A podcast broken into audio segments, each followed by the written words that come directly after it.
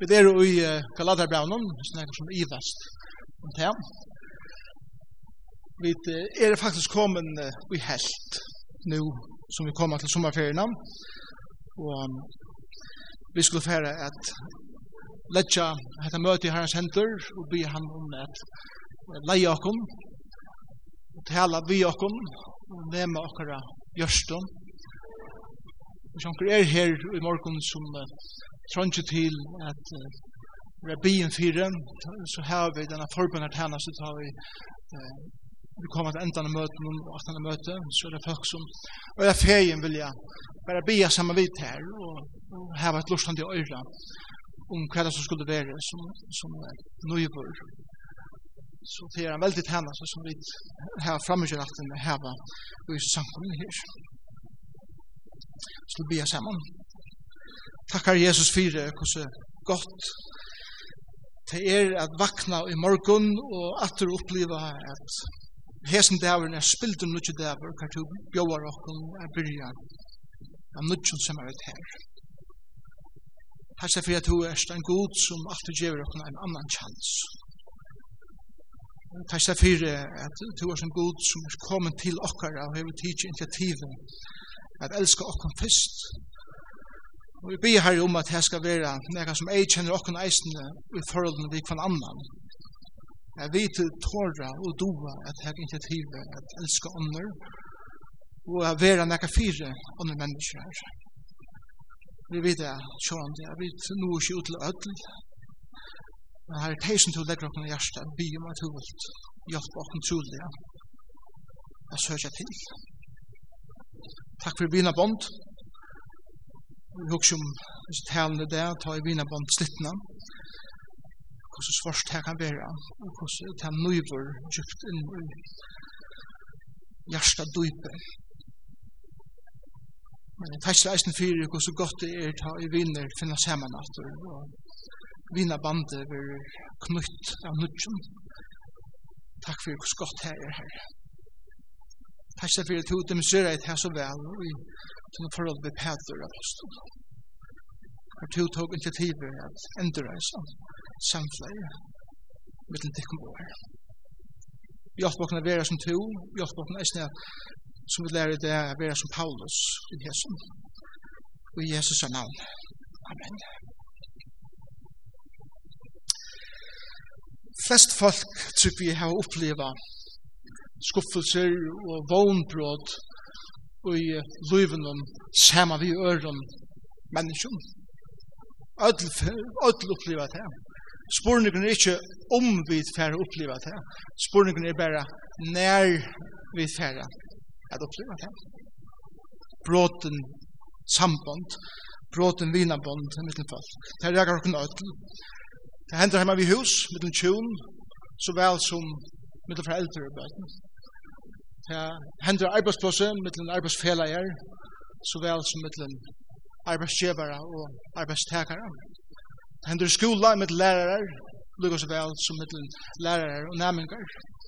Det hendur ombora kipe mittlen dekkare, lukka så vel som mittlen kipare og styrmann. Det hendur eh, lukka så vel i mittlen viner som det eisne hendur ofta i mittlen grannar. Les om en som eh en av grannar som för klantra som kvar marsch var med huset så där. Och det var så mycket osamter att eh att ta görs över för liv. Och nu narskast trusch och jag fångar där så det ena grannen och hin grannen för ut att köpa sig en flaggstång till stora dagen. Men en av grunderna köpte flaggstången var för att inte att flagga för. Ta jag fälte.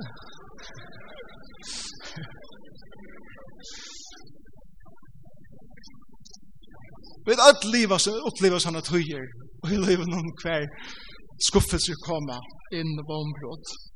Jeg halte at et av svarast av vombrott, det er ta og i det er samfunnet som er i middelen for viner, for personer, Og det hender til at en annar, en tredje personer, kommer inn i dette samfunnet og ber at soa iva fyrir einon om hin. Og kommer inn og gjør til at dette vinabandet slutest sunder. Det var det slæge av skuffelse og vombrødet som Paulus opplevde i sånne forhold vi kan lade til. Og da vi leser henne teksten, så føler vi hvordan jeg utrolig djupt det rakte nyr i hans herre hjärsta. Og jeg tykker vi at vi alt kunne identifisere hun vidt her. Spørningen er bare, hva gjør vi ta i slukt hender? Hva gjør vi ta i vinabåndslittene? Og en tri person kommer inn og sover henne i Ivan som gjør det at, at forholdet fer. Hva gjør vi? Da er den stod på Galaterbrevet, vi der vi til fjörra kapittel og vers 12. Og i det tar vi det at, at Jøkken genga fra vers 12 til vers 20. Så vi skal lese de versene. Galater brev 12, Galater brev 4, vers 12. Her sier Paulus så leis, Vere som er, det er også en arrogant da, Vere som er, tui jeg er jo som tid brøver og sjåan det eisne systre jeg bygget til dem. til det var ongan året gjørst mer men til vita at her var likamlig veikleik som er som gjør det at jeg første fyr kom av kunne til tikkun evangeliet og til å i holdemunnen som var tikkun til fresting vannvirdu og skutja av tid med ikkje fyr nei, til tog i måte mer som angel Guds, ja, som Kristi Jesu, som det prys av til lukkelig ta. Så jeg gjevet til han vittnesbord, at heida vil møvlet så rivo til egene, urtikken og gåa mer til. Er jeg tar våren futsjende tikkere, vil jeg si at jeg kan sammenleggene ta røyna etter tikkum, ta er, ta sier bare lålaren her, ta røyna etter tikkum vi utne, som ikkje er av gåvun, ta ta vilja er a få skilt tikkum fra, for at hit skulle være utne for teimen. Men gott er a være ui for tui som gott er, alltid, og ikkje best, ta er tja tikkum. Gott munne, som er atur eller som er nå atter føje ved kvølen, inntil Kristus er vår kjønsker uttikken. Jeg vil de engst er vær tjatikken nå, og kunne tala og er er rødt, så er er raleser tikkun. Vi vil ikke. Her er det tonaleie i teksten om hvordan Paulus nu vender seg akkurat som fra lovlæreren og at tåsa vi hos mennesken som han elskar så utrolig djupt til tonen som er i sin versen her brent. Det er at Paulus hever et fantastisk hjärsta for fralsesbåskapen, for evangelien, men eisen for hesten her praktfulle mennesken som han elskar så utrolig høgt. Og Paulus har opplevd et utrolig vekkert og godt samfunn, vi kan lade menn inntil. Hvis lovlærerne kommer inn, og tar byrja å et så iva, beie om person og eisne om båskap, Paulus er.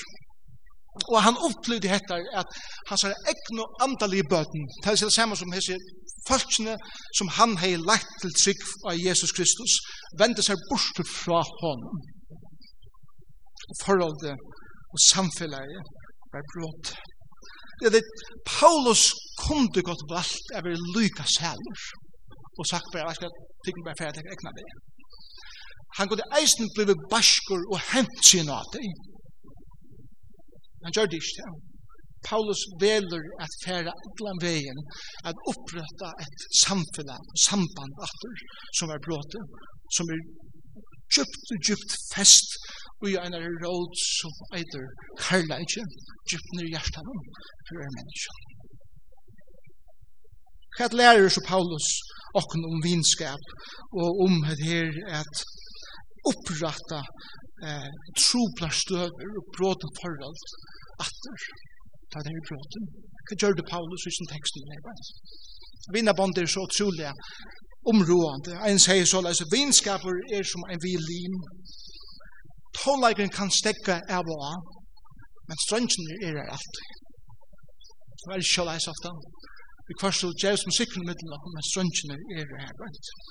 En annan sier så som vinskap, en viner er en som kjenner tøyen inn til sang, og som kan synge han fire her, ta to hever sjolver glant årene. Ta til sjolver misse måte, så er det viner som kommer inn og minner de av. Hva er det eier sammen? Og hette det som Paulus føler. Han elskar evangeliet, han elskar folkene, og heilen hjärsta er hans nu som en pape som kommer inn og vil gjøre alt for å knyta dette sambandet atter som er brått. Det første som vi vil lære og i hese prosessene er at oppbyggja en vinskap atter og et forhold som er bråten er nekka som vi læra og i til aller fyrsta som Paulus sier til han sier vere som er. Vere som er. Det aller fyrsta prinsippet som vi sier just her er at vi må du at meta om okkar etna ekna samføring og jeg vil sier vere som er. Og til det som Paulus gjør det, og i gjøkken truttjar kapitlar, fyrsta, annan og tredje kapittel, og inni fjore kapittel hever, hev Paulus akkar som endur skoa sannføringarna som han hever, og han, er, han hever kanna om hesten even som lovlærerne hever så om seg er sanner, og til akkar som han fyrir atter, han kanna Hva er det for evangeliet? Hvordan fikk det? Hvordan er det avgjørs mot lov? Hva er det gjørst? bæg vi med og vi tikkun, og han er samført rom. Hette er evangeliet.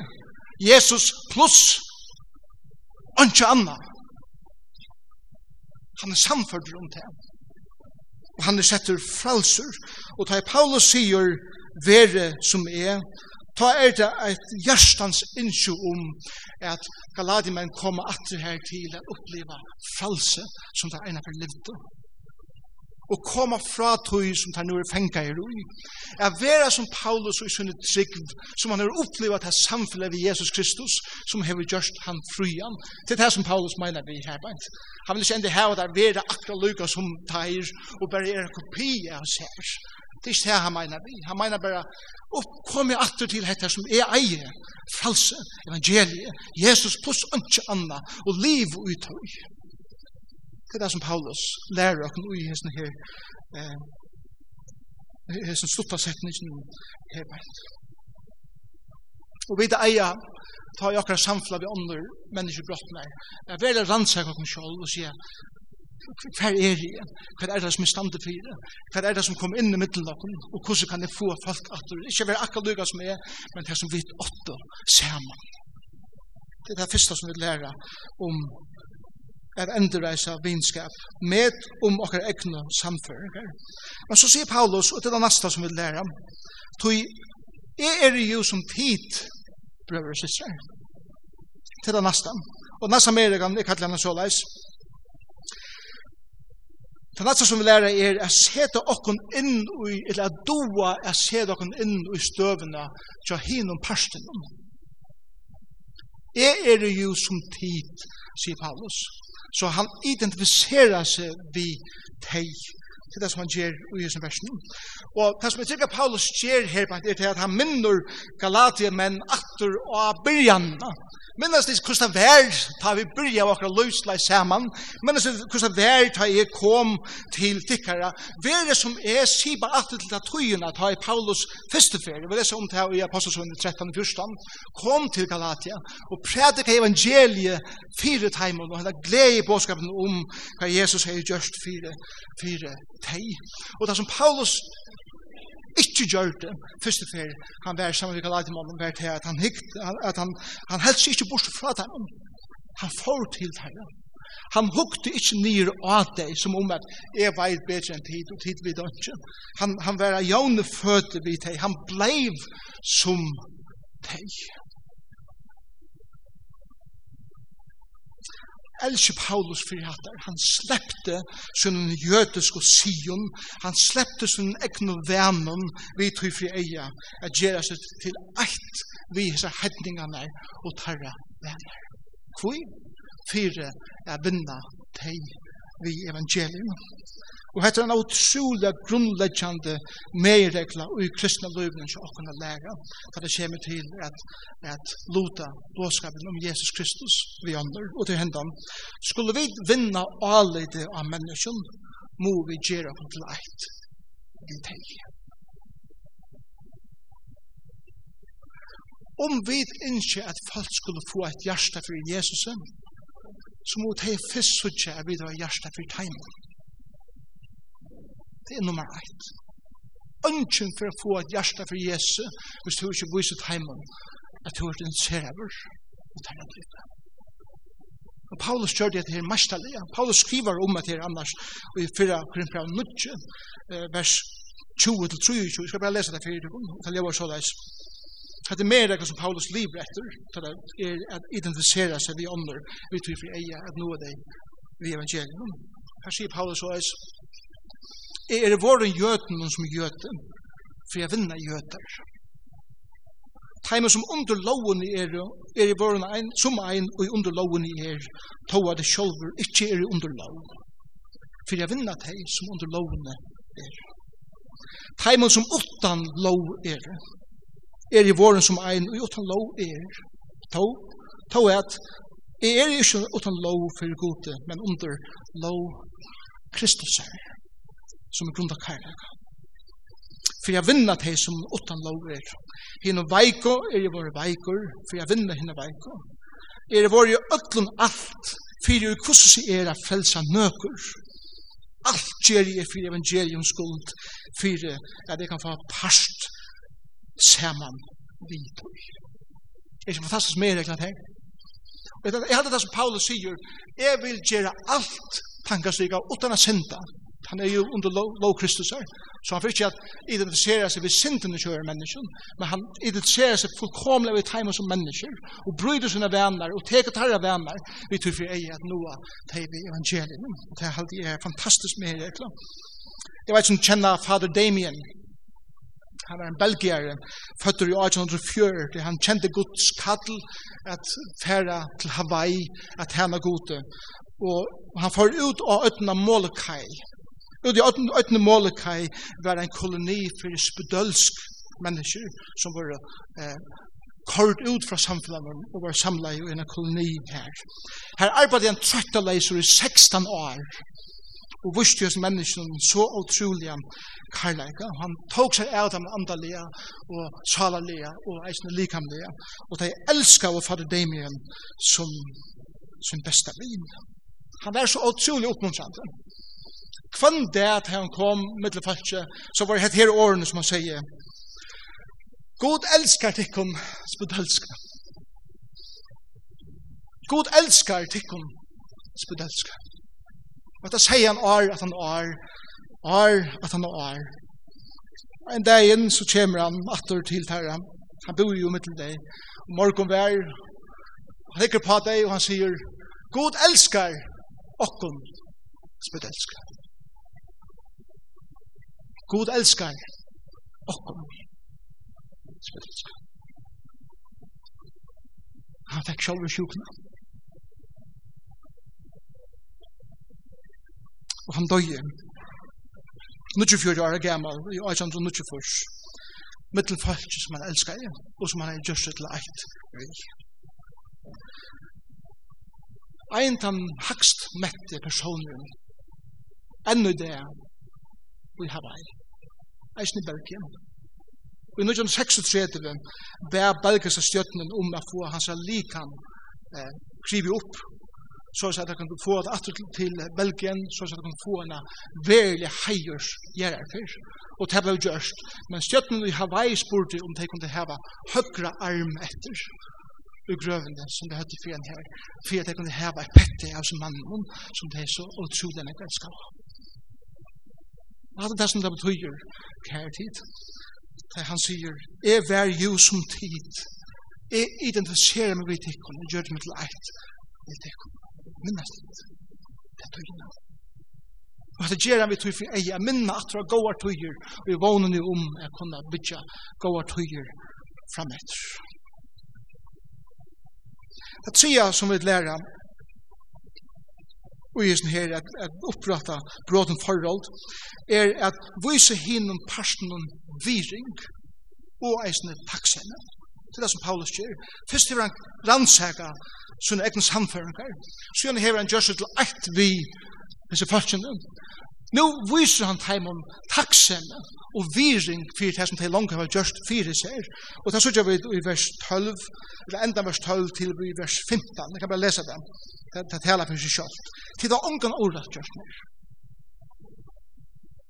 Ta i hitja at akkurat tog saman, til det er ångan gjort mer enn jeg gale. Men til vita at jeg kom til tikkara fyrste fyrir var det likamlige veiklasje mer som gjør det det kom han ikke. han Paulus var så et etla fire til han kom til Galatia. Vi leser om hendelsene i eh, apostelsönet 13 og 14 Einas han er i en boi som Paulus predikar i steina av det han mest til deis og det blek han ut om boiaporsen og her la han sundur sårar og han reiser seg opp og fer ferina og gjerra Og det møtes mannen som kommer utrolig til fire til terra. Onker heldur at det var kanskje en av likamlige veikleikene, onker, onker andre heldur også andre. Ved fyrstan, og det er i holdemøyden som er tikkum til fresting. Fresting skal, skal meira være til til baml, eller til at vilja halda seg borstu fra akron. Så vanvirdu til og skutja til med korsene ikkje fyrir til.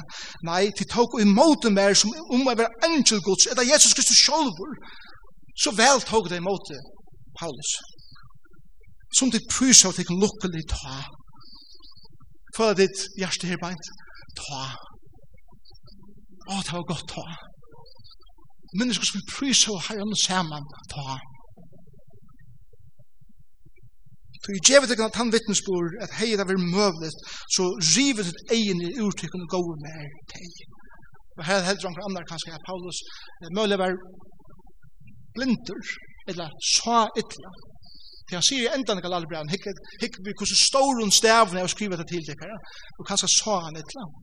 Og, og de elskar Paulus og nek, at de kjøpt vilja tids egen og giv i hånd, de så han kom til suttja, så tjupe per karlæsen, i middelen.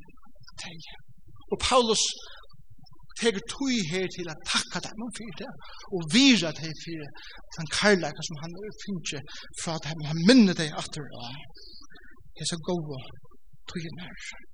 Vi vågner jo om at Gjørsten skulle bløytast, og det kan byrja ut. Og som Paulus en øren samanhenges, kan han gjøre det saman. Og det er eh, i Filemon braun, det er ikke tøy jeg slå det opp i det, men Filemon var en unger træler, som tante tja eh, Nei, unnskyld da. Filemons brev er om en ungan træl, som eitre Onesimus, som tante tja Filemon. Og han rymmer fra herrasen. Og Onesimus fortsatt til Rom. Og gitt hver Onesimus endar i Rom. Han endar i fengehusen. Gitt hver er i fengehusen som Onesimus endar i, i Rom. Her er Paulus. Her møtast. Paulus kjenner langt Filemon. Onesimus kommer til trygg for Jesus og i fangselen. Og Paulus skriver et brev til Filemon, som han gjever og Nesmus i håndene, som han skal fære atter til Filemon vi. Og i brevene etjar Paulus Filemon er vysa og Nesmus nei. Og han minner Filemon av karlæka som er her i middelen, og vinskapen og viringene som det heva eh, imot hver nøren, eller fire for nøren. Og Paulus sier så i braun at jeg vil gjalda alt som skal til for at Ones som kom, kan komme inn at i heime kjøtt her. Men i braun legger så Paulus et træt etter at nå skal Onesimus ikke langer være en træler kjøtt her nu skal han være en soner som kommer inn til tøyen at bygva. Han var kommet å kjenne Jesus som sin frelsere. Paulus har lagt Filemon til Jesus, og nå sier han, nå er til brøver, til det syner, til tjene herrene sammen. og dette samfunnet er enda røst. Og når som kommer alltid som brev i hånden, jeg synes ikke han fyrer meg når han kommer hjem, og han tår ikke noen, han skal ha ekne kontakt, og gjør han bare brev, og, og kanskje venter han rygg, men han Nesmus teker brev, eller Filemann teker brev, og leser det. Og, og kanskje, med en film og leser brevet, og når som stender her, blir jeg tar ned til ham, nye etter kjenningen av filmen. Han hokser om en av mannen som han har alle grunden nå til å straffe og sin beste viner sier vegnar okra vinskap. Vil du elska ham så det er månen her som hender med Galadiemen og som, som Paulus sier her i Galadiemen er det tre personer som kommer inn og er lekkere på apparat i Filemon Brown er det tre personer Paulus som kommer inn og røyner enderreisa etter rett det er en fantastisk hjerte som Paulus hever for i øyren Og hatt det her som vi eier at etjas til å gjøre, at ikke være folk som kommer inn og er legge forhold, men kommer inn og så at vi går inn så at folk kommer komme sammen og enda nødja forhold som har vært bråten og minna av virringene og karlagan som det eier sammen. Hinneveien så er Paulus ikke nekka særlig bensjen med over heldur, Han tårer eisen at trakka i karakter. Så jeg synes at elska er ikke bare å være fytter, at elska er eisen vi først tala sannleikan og sia som er. Det er en form av karlæka som er utrolig, men glemte dere i døven, men som er utrolig områdende, at tåla og tåla at tala sannleikan. Og til det fjóra mereglan som er suttju i sin teksten fra vers 16 til 18, og til dette er det som vi lærer er at avduka, at tåra at avduka skaivo og ønte motivene til teimen som kommer inn og valda trobeleika. Det er det som Paulus eisen gjer i sånne her versen. Atlan veien djøkken Galaterbrev hev Paulus prekva hvordan skreiver hese lovlærerne er jo og i sånne lærer. Og nå avdugar han tar personlig motiv for tog som tar gjer. Og i sånne teksten som vi har lise, viser han og hvordan tar har rønt a sua iva om sannleika som Paulus hever prædika og fyrir han til liggen, men tar var misbrukt Paulus har båskap for jeg skapa futjenskap i middelen Paulus og Galatien men, men Paulus viser å at tarra verlig motiv som tar hevas lovlærner er at og en smikrande mata det er det som han sier i, i sånne her eh, teksten vers 16 tar røyna etter tykken vi utan det som ikke er gåvun Det gjør det vi får skilt ikke fra hver nøyren. Det er på den maten som er en vemmelig, og det er fitter maten, og det er smikrutter. Men det som ligger utenfor det, er at skilja sønder. Bråta enleika. Få folk ur flokken, eller ur flokken, som tar kunne være grupa av sin klon. Du kjenner Jorah-filmer. ta vi Ulvar, tar etter en kreatur og tar taktikker er att få den ene oksan bort fra fjølten eller fra flotjen og få han ensam at han har ongan chans. Til det som tar røyne att göra. Det tar motiv. At stjæla fralse fra teimen og så gjerne att øysa sånne maktgyrnt iver teg så at de kan få kontroll av Galadimonen så at de kunne tjene seg og at de kunne få at de burde gjort hjemme ljótan vinning som ser ut til å være ugen men er grunda av utrolig ønd og vemmelig motiv. Paulus peikar av hattar. Hattet her som tar vilja. Hattet her som tar gjerra. Og han er ikke bensjen for det. Jeg taler sannleika. Han sier det jo til i vers 16. Er jeg tar våren futsintikkare, vil jeg sier det i sannleika. Og det kostar å se samleikan hver tid. Og det viser en her bant. Et av beste dømi om hettar bibelen det er ur Esters bok. Men det er Haman som gjør det golganar til Mordecai og Sjån det den utrydda alla jötanar. Esther kommer inn i myndina. Hon gjør en flotta måltu for kongi Haman og ser.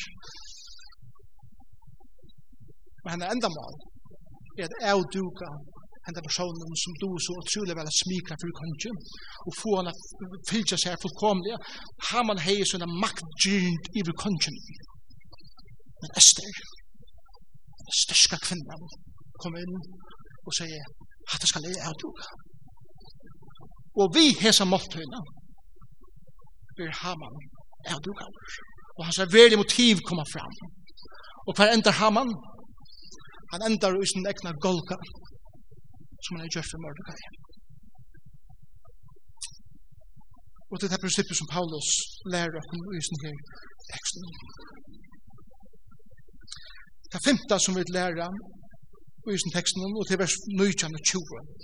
Og til dette, og i stedet for at venda vognbrådet til vreie, Paulus var vognbrådet, han var svidgjent. Han kunde ha ventet til breie, men i stedet for å vente vondro til breie, så kunne vi vente til, til en møvleika. Jeg bor sånn nøy. Er det ikke fantastisk? Det er det som Paulus gjør i sin vers, vers 9, Hør honan, prøv å høre honan til som Paulus røyner at skriva vi, bøttenmøyne, bøttenmøyne. Hadde røtten fra en papa, som elskar sine bøten trolig høgt, men som ser at her vis med lei, og han vil hjelpa dem med rett og lei atter bøten. Og så sier han, som er noe atter føje i kvølen, hva tatt der? Vi menn føje ikke, det gjør mammer. Og her sier vi moverkarlæren, som Paulus hever til dette feltje. Og det sier man nok alltid til at hese galadimenn er jo hans antallige bøten.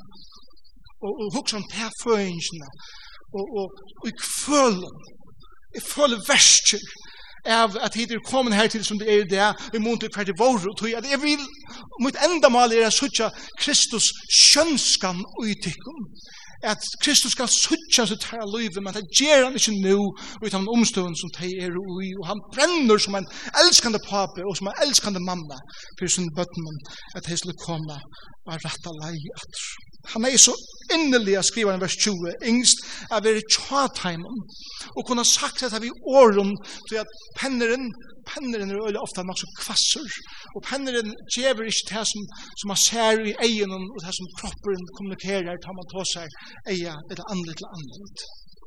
Han sier, jeg vil jeg kunne være her og sagt det som vil jeg føle, vi tenker om Og hans største innskje det kom alltid til falses evangeliet. Så at Kristus kan være skjønsker i teimen. Så at andre kunne sutja hva sanner kristendommer er. Og ikke bare sutja rovene det var en deion lovar saldomne i Jesus navn. Sutja det sanner kristendommer er ikke en frimel, men en samband. Sanne kristendommer er ikke en støverøynd, men en samfunn. Sanne kristendommer er ikke om donaskap, det er om fellesskap. Sanne kristendommer er ikke om å være fullkommen, eller om fullkommenleika men det er om åpenleika.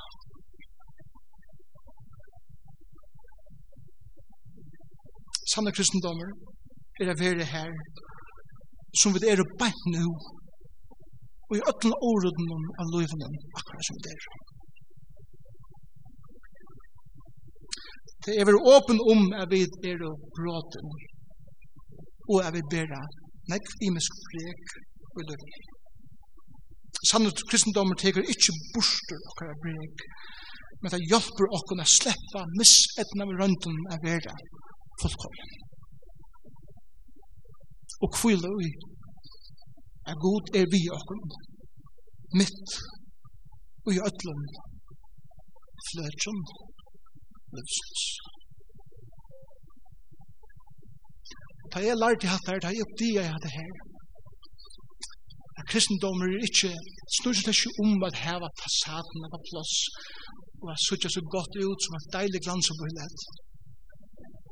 Men det snur seg, det snur seg om at være ekta over, og at håret være åpen om at det er bråte og breka menneska.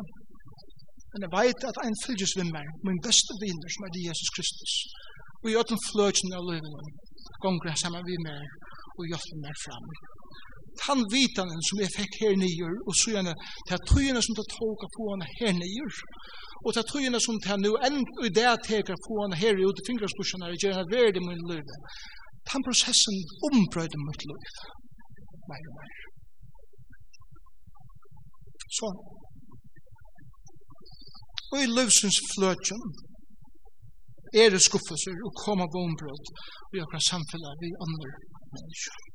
Særlig at høy ånder kommer inn og letja til samfunnet som vi høytter vi akkurat annan. Sporningen er hva gjør vi vitt det? Og vi har lært hva Paulus gjør det vitt det. Og Paulus har givet okkur nysgjer henda visdommen, hessa praktiske veinleikana om hos vi gjera. Og det som vi eier gjera er at møte om omtunnar samfunnar er rattar for det fyrsta. For det anna, se det inn i støvene til hin om parstnum. For det tredje, vis hin om parstnum viring og takksemmer. For det fjorda, tårs og avduga skaiv og øndemotivene som heimann som volta trobelag. Og for det femte, i stedet for å vente vognbrotten til breie, så kan du vente heimann til møvleggen, jeg viser nøy. Og det er evangeliet. Vreiene som god heier og imot synd og syndaren var kanalisere at han ratta personen av Golgata. Og det var ikke to i.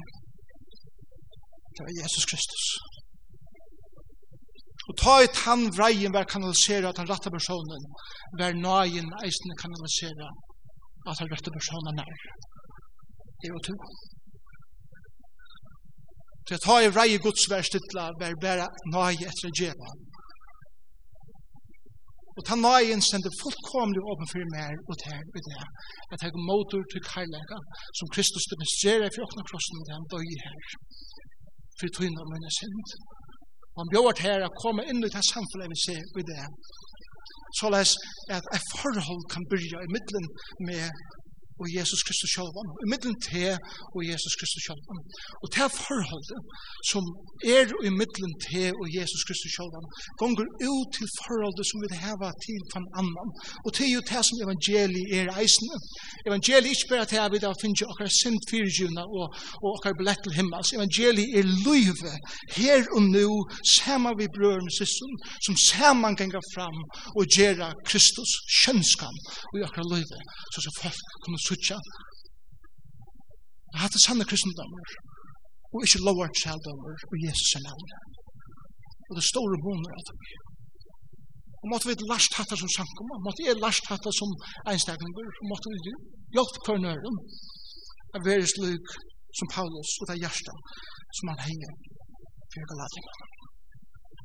Vi skulle enda her for å be tonlagarnar og sangarnar å komme opp gjør seg vel. Og med jeg vil synge herren om lovsang, så vil jeg folk her fremme som gjerne vil jeg bia fyrt her.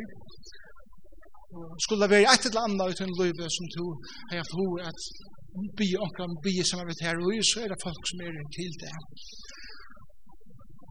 ikke bare ikke være sikna over omkring, og omkron bare bier i Jesu navn om sikna ikke ut til løyve, så blir det så øyla fengjere til om du er sier det, og du ikke kjenner Jesus som til frelsere, så bjøver han til her i det, kom inn i en forhold med seg, og du kan få frelster, du kan få nytt liv, du kan spå rett for rattvurskjørter, er gong til feiren gjennom Jesus Kristus, kan du få av det, som er sendt utstryka igjen, ved å si Jesus, det er en sindare, men du er som en frelsere, vil du komme i nytt liv, og frelse meg. Må det herren sikkert noen disse vikene, Vi er øtlen tusen vi får gjøre, og måtte Jesus Kristus være kjennskår for dere liv. Takk, Herre Jesus, for det at vi kunne lære så utrolige sannleikere fra Paulus, og i sånne forhold til Galatien-menn. Jeg tar seg for hans utrolige eima og bleita hjertet, samtidig som det er et hjerte som har et utrolig dyrve. Og jeg tar for at her er karlæg, jeg blir bleider og djerver samtidig. Hjelp åkna vera til økker forhold om likon annan. Hjelp åkna vera til hei som i stedet for å vise vreie, tega mølegan og vise meg. Og Jesus sammen. Amen.